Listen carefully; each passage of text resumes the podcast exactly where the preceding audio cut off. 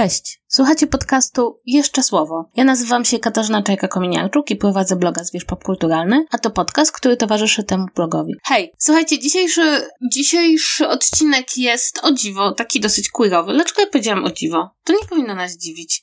Jesteście na moim, w moim podcaście, nie powinno was to dziwić. W każdym razie dzisiejszy odcinek ma taką drobną linię przewodnią i jest właściwie dwie linie przewodnie. Słuchajcie, dzisiejszy odcinek jest w ogóle tak tematyczny, że to już niesamowite. Otóż będziemy mówili o queerowych rzeczach i będziemy mówili o rzeczach, które nie są amerykańskie, a nie brytyjskie. Będziemy mówili o filmie, który jest brazylijski, o filmie, który jest włoski i o serii książek, które wychodzą w Polsce, które są jak na razie narracjami skandynawskimi. Dobrze, zacznę od pierwszego filmu, bo on mnie absolutnie zaskoczył. Przyglądałam sobie Amazon Prime, szukając czegoś do obejrzenia i zaproponował mi Amazon film, który ma na Amazonie anglojęzyczny tytuł There is Something About Mario. E, ma także tytuł brazylijski, którego nie umiem przeczytać, więc nawet nie będę próbować. I słuchajcie, jak zaczęłam go oglądać, to wydawało mi się, że to będzie stosunkowo prosta historia. Mario ma około 30, mieszka w São Paulo i jest pisarzem związanym z dyrektorem e, takiego małego teatru, pisze teksty dla, dla takiej właśnie queerowej grupy teatralnej, no ale decyduje się pojechać w końcu do rodziny i przyznać się, że tak naprawdę żyje w związku z mężczyzną. A rodzina Mario jest taka dosyć konserwatywna, prowadzi własny browar,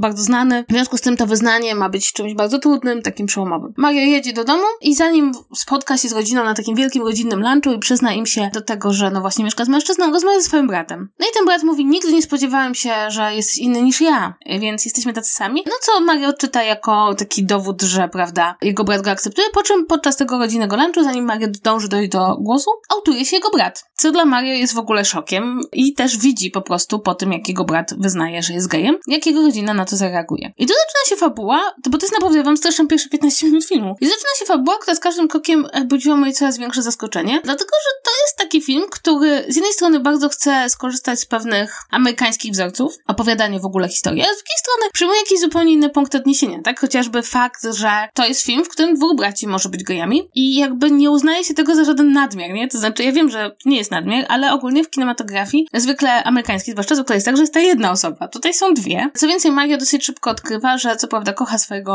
swojego partnera, natomiast pewna pojawiająca się w filmie taka konsultantka, która ma pomóc w marketingu, też mu się podoba i też coś do niej czuje. I to jest trochę ciekawe, dlatego, bo z jednej strony ten film jest zupełnie w innym porządku, to znaczy jakby tam się dzieją rzeczy zupełnie niemożliwe chyba w współczesnej takiej popularnej kinematografii amerykańskiej, a z drugiej strony jest to film pełen stereotyp i to takich strasznie w sumie homofobicznych. Ale, ale puenta filmu jest taka, że zasadniczo rzecz biorąc wszystko jest dużo bardziej skomplikowane niż się komukolwiek wydaje. Natomiast muszę powiedzieć, że to mnie, ten film nie zaskoczył. To znaczy myślałam, że już e, jestem dosyć mocno obeznana w tych wszystkich queerowych narracjach popularnych, bo oczywiście nie mówię o, o kinie takim, prawda, które jest skierowane głównie do publiczności queerowej i które jest taka, takim bardziej zamkniętym rodzajem filmu, takim arthouse'owym queerowym, tylko właśnie to jest taki film popularny, który kompletnie to wszystko gdzieś tam miesza i stawia na głowie. Powiem wam, że to nie jest dobry film. To znaczy, on jest za długi moim zdaniem, za dużo tam jest różnego rodzaju slapstickowych żartów. Natomiast jest inny. I ja nie wiem jak wy, ale ja mam ostatnio olbrzymią potrzebę poszukiwania inności w kulturze popularnej. Nie inności rozumianej przez queerowość, tylko inności rozumianej przez inne zabiegi fabularne, bo mam wrażenie, że się troszeczkę już może za bardzo opatrzyłam z tym wszystkim, co mam do zaoferowania kino amerykańskie czy angielskie. Po prostu wiem, co będzie dalej. Oglądając to There is Something About Maggie, nie miałam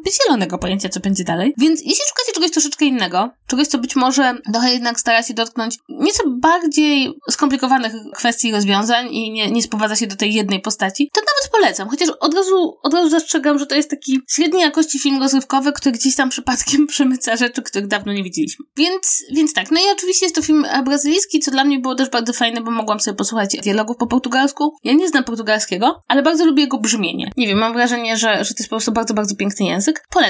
Bardzo, znaczy, polecam. No chciałabym, żebyście skończyli słuchać ten podcast z założeniem, że to jest dobry film. Nie, to nie jest dobry film, a paradoksalnie nie jestem w stanie przestać myśleć o pewnych zabiegach fabularnych, które tam się pojawiły. Drugim filmem, o którym chciałabym wam powiedzieć, to jest film Out of My League i to jest film włoski. Ten tytuł Out of My League miał to na moim Netflixie. Mój Netflix jest po angielsku. E, ja nie mam polskich tytułów i napisów e, na moim Netflixie, bo zakładałam swojego Netflixa zanim Netflix był w Polsce i nigdy potem nie zmieniłam języka, bo wolę tytuły oryginalne. Natomiast to znaczy, że także rzeczy, które są nie amerykańskie i nie angielskie mam w tych tytułach angielskich, więc nie wiem jak to będzie. Jest to, jest to bardzo frustrujący film. I tutaj właśnie to będzie taki, taki rodzaj powtarzania klisz, który frustruje, a nie bawi, ponieważ opowiada to o młodej dziewczynie, która choruje na mukowiscydozę, która e, mieszka w mieszkaniu po swoich rodzicach ze swoimi przyjaciółmi, ma swojego przyjaciela geja, przyjaciółkę lesbijkę. I tak, moi drodzy, jest w tym filmie cały wątek o tym, że jej przyjaciel gej, przyjaciółka lesbijka uprawiają seks, żeby mieć dziecko, e, ponieważ, nie wiem, ewidentnie scenarzyści nie mogli sobie po prostu dojść do wniosku, że taka dwójka mogłaby nie wpaść na ten pomysł i to jest bardzo frustrujący wątek. Natomiast, natomiast wracając do bohaterki, ona uważa się, że jest,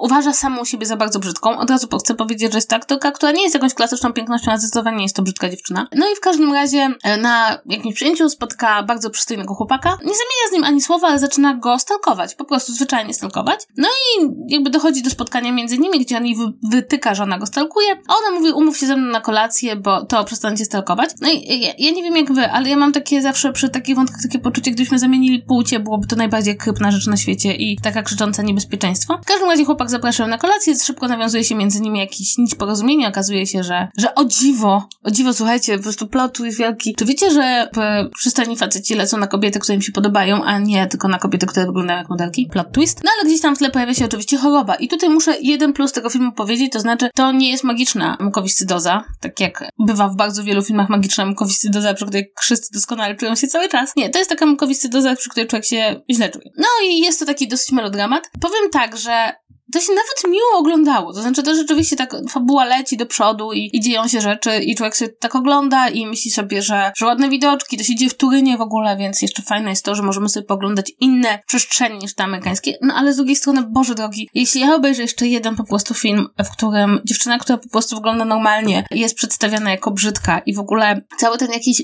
niesamowicie toksyczny zamysł, że jest coś niesamowitego w tym, że bogaty, przystojny facet zakochuje się w dziewczynie, która nie jest bardzo piękna, Zresztą to jest w ogóle bardzo ciekawe, bo ten facet jest jakiś niewyobrażalnie bogaty, tak? Z jakiejś takiej rodziny, co ma pałace. I to nie jest problem w tym filmie. Zresztą w ogóle, tak, jest zupełnie na marginesie, w tym filmie jest bardzo dużo rzeczy, których ja nie do końca rozumiem, chociażby to, że bohaterowie są kompletnie jakby niezależni finansowo i życiowo w wieku 19 lat, wszyscy troje, i nie studiują za bardzo. W związku z tym starałam się zrozumieć, jakby ten film zaczyna się jakby od połowy i ma nas przekonać, że oglądamy historię nastolatków, przy czym e, w istocie aktorzy wyglądają na dużo starszych. Jest to bardzo ciekawy przykład na to, że jakby miałam oglądając ten film, wrażenie jakbym oglądała polską komedię romantyczną. Wiecie, jak polskie komedie romantyczne, które ignorują wszystkie realia rzeczywistości, muszą się wpisać w jakiś schemat amerykański. I tutaj miałam bardzo, bardzo, bardzo podobne wrażenie, że oglądam coś, co się za wszelką cenę próbuje wbić w schematy amerykańskie e, i przez to tak, i przez to po prostu wszystkie elementy rzeczywistości odchodzą, odchodzą na bok. I to jest tak, że to się nawet mi ogląda, ale kończę w tym myślę sobie,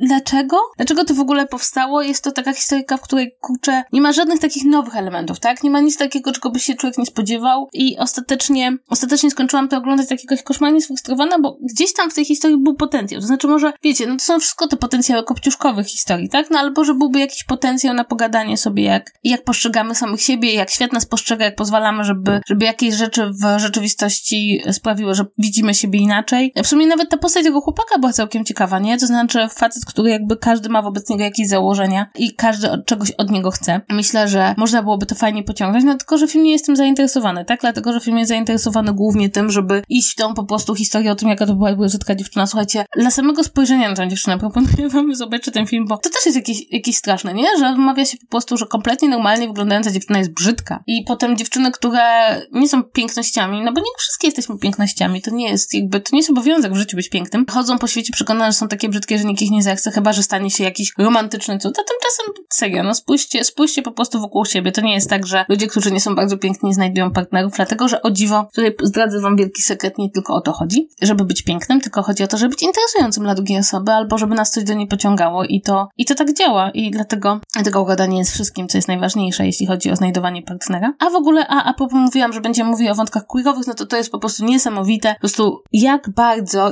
istnieje w kinematografii to założenie, że jeśli mamy geja i lesbijkę, to może oni będą chcieli być razem. Ja w ogóle tego nie rozumiem i w ogóle mam wrażenie, że to się przyczynia do jakiegoś niezrozumienia orientacji seksualnej. To znaczy, jak mamy dwie, nie wiem, dwóch mężczyzn, prawda, którzy są hetero w filmie, no to nie mamy myśli, ej, nie, oni się tak lubią, to na pewno będą w którymś momencie razem, nie? To znaczy, chyba, że jesteśmy autorką fanfików, to wtedy zupełnie co innego, albo autorem. Dyskryminujemy. Natomiast w przypadku jak mamy geje i lesbijkę, to od razu oni, ich, ich seksualność i orientacja musi być płynne, nie? Bo, bo dzięki temu wszystko jest dużo ciekawsze. Oczywiście ten wątek tutaj jest rozwiązany w sposób moim zdaniem dosyć logiczny, to znaczy, spoiler, oni w końcu nie decydują się mieć tego dziecka, ale sam fakt, że zakładamy, że uprawianie dla nich seksu razem nie jest niczym problematycznym, moim zdaniem świadczy o jakimś takim głębokim niezrozumieniu, o co chodzi z orientacją seksualną. I zresztą to się pojawia w popkulturze, nie? Jakby, on. Jest taki wątek cały. Tych lesbijek, które sypiają z facetami, bo przecież każda lesbijka może się przespać z każdym facetem, to nie jest problem. A na sam koniec, na sam koniec to jest moja głęboka polecajka, dlatego, że też objęłam to patronatem jeszcze jak w czytu, czytu z Megu o tym rozmawiałyśmy i chodzi o tęczową serię wydawnictwa Dziwny Pomysł. E, pomysł wcale nie jest dziwny, moim zdaniem jest genialny. Otóż jest to seria, na razie wyszły dwa tomy, trzeci jest we wrześniu. Otóż jest to seria książek, które właśnie wydaje wydawnictwo Dziwny Pomysł. Te książki nie są amerykańskie, to są książki, um, wyszła książka fińska, wyszła książka norweska, a ma wyjść we wrześniu książka grenlandzka, co jest w ogóle chyba będzie jedna z pierwszych książek z literatury grenlandzkiej wydanych w Polsce. Co je łączy? Łączy je to, że wszystkie są książkami opowiadającymi o młodych ludziach i opowiadającymi o młodych queerowych ludziach, którzy przeżywają swoje pierwsze miłości, którzy przeżywają swoje pierwsze zawody. No i są to książki nie za grube, to są takie, wiecie, książki, które tak można spokojnie w jeden dzień przeczytać, ale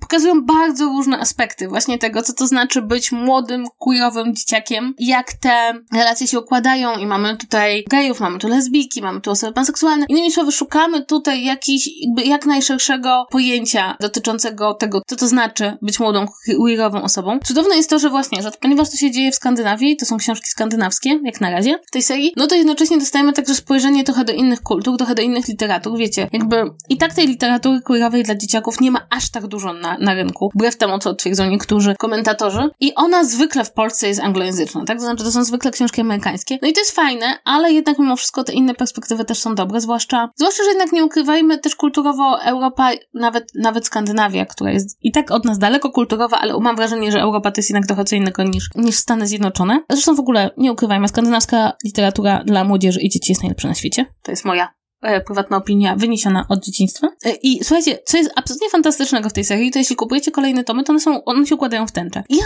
wiem, że to nie powinno się oceniać serii wydawniczych po okładce, tak? Ale Okej, okay, muszę to powiedzieć. Ja wiem, że będę miała całą serię, bo wizja, że będę miała tęczę na półce jest po prostu, jest po prostu miła mojemu sercu. I okej, okay, dobra, ja rozumiem argument Kasia, ale czy te książki są dobre? Te książki są różne, no bo to nie jest jeden autor, tak? To nie jest jedna seria, to jest seria po prostu wybierania, wybieranych autorów. Moim zdaniem, z tego co czytałam, niektóre są lepsze, niektóre są gorsze, ale też mam takie poczucie, że ja nie jestem do końca targetem. I to nie jest nic złego w powiedzeniu, że nie jest do końca targetem, no bo ja jestem osobą, która się interesuje wątkami queerowymi w kulturze popularnej, ale ja już swoje jakby wzloty i upadki i, i pytania tożsamościowe przeżyłam. W związku z tym jakby nie potrzebuję książek, które by mi w tym pomogły. Natomiast myślę, że jeśli jesteście młodszą osobą, albo osobą, która po prostu różne rzeczy próbuje sobie ułożyć w głowie, to to jest bardzo dobra seria. No bo to trochę tak jest, nie? Że czytając historię o ludziach, którzy przeżywają różne momenty takie przełomowe, egzystencjalne, zadają sobie różne pytania, sami możemy sobie zadać poprzez nich te pytania i sami możemy dojść do różnych wniosków. No a poza tym też wydaje mi się, że już e, tyle się naczytaliśmy o chłopcu i dziewczynie, którzy się zakochali, e, że teraz czas poczytać sobie trochę co innego. Bardzo polecam, wydaje mi się, że te dwa pierwsze tomy, ja wiem, że się wakacje kończą, ale wydaje mi się, że te dwa pierwsze tomy to są takie idealne lektury na wyjazd, bo nie są bardzo długie, a, a można sobie właśnie zrobić taki wyjazd tematyczny. Natomiast bardzo Wam polecam obserwowanie całej tej serii, no i to ponownie polecam kupowanie książek fizycznych,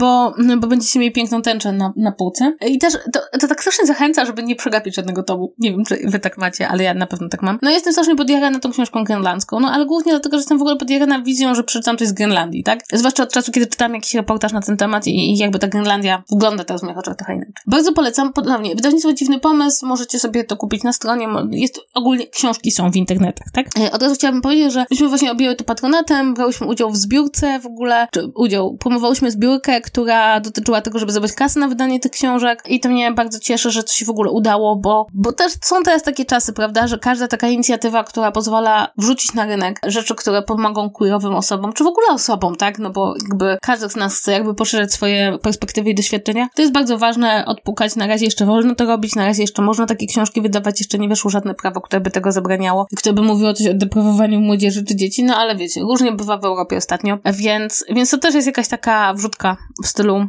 publikujmy póki możemy. No dobrze, to tyle w tym tygodniu. Przypominam wam ponownie, że mówiłam, bo w poprzednim odcinku zapomniałam o tym segmencie, sorry. Mówiłam o filmie There's Something About Mario, który możecie obejrzeć na Amazon Prime. Out of My League, który możecie zobaczyć na Netflixie. Nie wiem pod jakim tytułem, ale angielski jest Out of My League. No i bardzo, bardzo wam polecam zainteresowanie się serią tęczową wydawnictwa Dziwny Pomysł. Wyszły tam dwa tomy, bliżej się nie da i polecie będzie wszystko. A już niedługo wyjdzie Homo Sapien i to właśnie będzie ta irlandzka książka, na którą ja bardzo, bardzo czekam i mam nadzieję, że będzie, że będzie naprawdę super. A nawet jak nie będzie super, to przeczytam irlandzką książkę i będę się mogła chwalić znajomym. A jeśli podobało wam się to, co usłyszeliście w tym odcinku, to przypominam wam, że jak zawsze możecie śledzić mojego bloga, Zwierz Popkulturalny. Możecie śledzić mnie na Instagramie i Twitterze. Już chyba wam nie muszę podpowiadać, że moje osobowości w tych różnych miejscach internetowych są różne. No i jak zawsze dziękuję wszystkim tym, którzy się dzielą informacją o tym, że słuchają mojego podcastu, dlatego, że ja was widzę i to mi bardzo jakby daje takiego kopa do tego, żeby pisać i żeby w ogóle działać. Natomiast jeśli tego nie zrobiliście, jeśli słuchacie mojego podcastu, a się nie podzieliliście w sieci, to będę wam za to mega, mega wdzięczna, bo po prostu więcej osób się dowiaduje, że ten podcast istnieje i też jakby,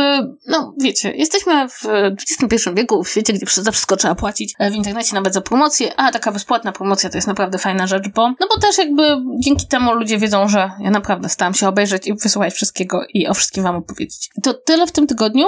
Jeszcze raz wielkie dzięki, że mnie słuchacie, jesteście naprawdę super słuchaczami i fajnie się dla was nagrywa. Naprawdę. To znaczy dla ciebie konkretnie. Dla ciebie konkretnie, słuchaczu, który tego teraz słuchasz, to ja to w ogóle wszystko robię. A pozostali to jest tylko, wiecie, taki dodatek. Do usłyszenia. Miejmy nadzieję. Trzymamy kciuki jak co tydzień, za tydzień. Pa, pa.